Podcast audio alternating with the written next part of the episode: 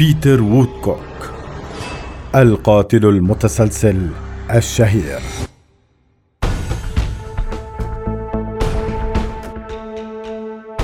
ولد وودكوك لعامل مصنع. في الخامس من مارس عام 1939 في تورنتو كندا. عند بلوغه السابعة عشر قدمه والده للتبني. أمضى السنوات الثلاثة الأولى من حياته. ينتقل من أسرة حاضنة إلى أخرى. في واحد من تلك المنازل على الأقل تعرض بيتر للإيذاء الجسدي. فوصل إلى قسم الطوارئ في المستشفى برقبة ملتوية. بدأ أن حظه تغير عندما تبنته عائلة ثرية. تعيش بالقرب من شارع يونغ ولورنس أفينيو. لقد أنفقوا المال على المعالجين والمدارس الخاصة والدراجات للصبي الصغير السمين. عندما بدأ كان مراهقا. فضل قتل الأطفال. ثلاثة في تورنتو.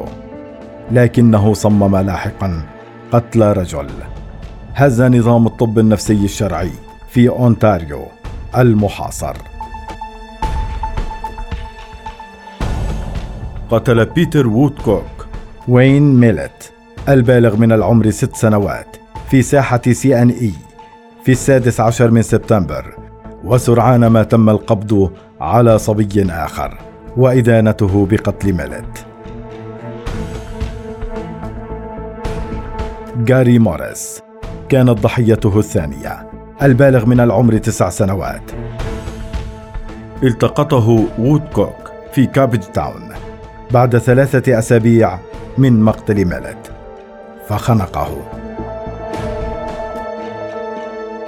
في التاسع عشر من يناير 1957 قتل كارول فويس أربعة أعوام تحت جسر بلور. في المرة الأخيرة التي قتل فيها ضحيته كان بيتر وودكوك أعمى تقريبا وبالكاد يسمع. أدى رسم بوليسي دقيق للغاية لوودكوك. نشر على الصفحة الأولى من النجمة إلى حل القضية واعتقال وودكوك المجرم الخطير. توفي وودكوك القاتل الكندي الشهير عام 2010 وهو رجل صغير ممتلئ الجسم بأيد صغيرة وأذرع ضعيفة وحياة خيالية مفعمة بالحيوية وموهبة التلاعب يوم عيد ميلاده الحادي والسبعين في قسم أوك ريدج بمركز للصحة العقلية.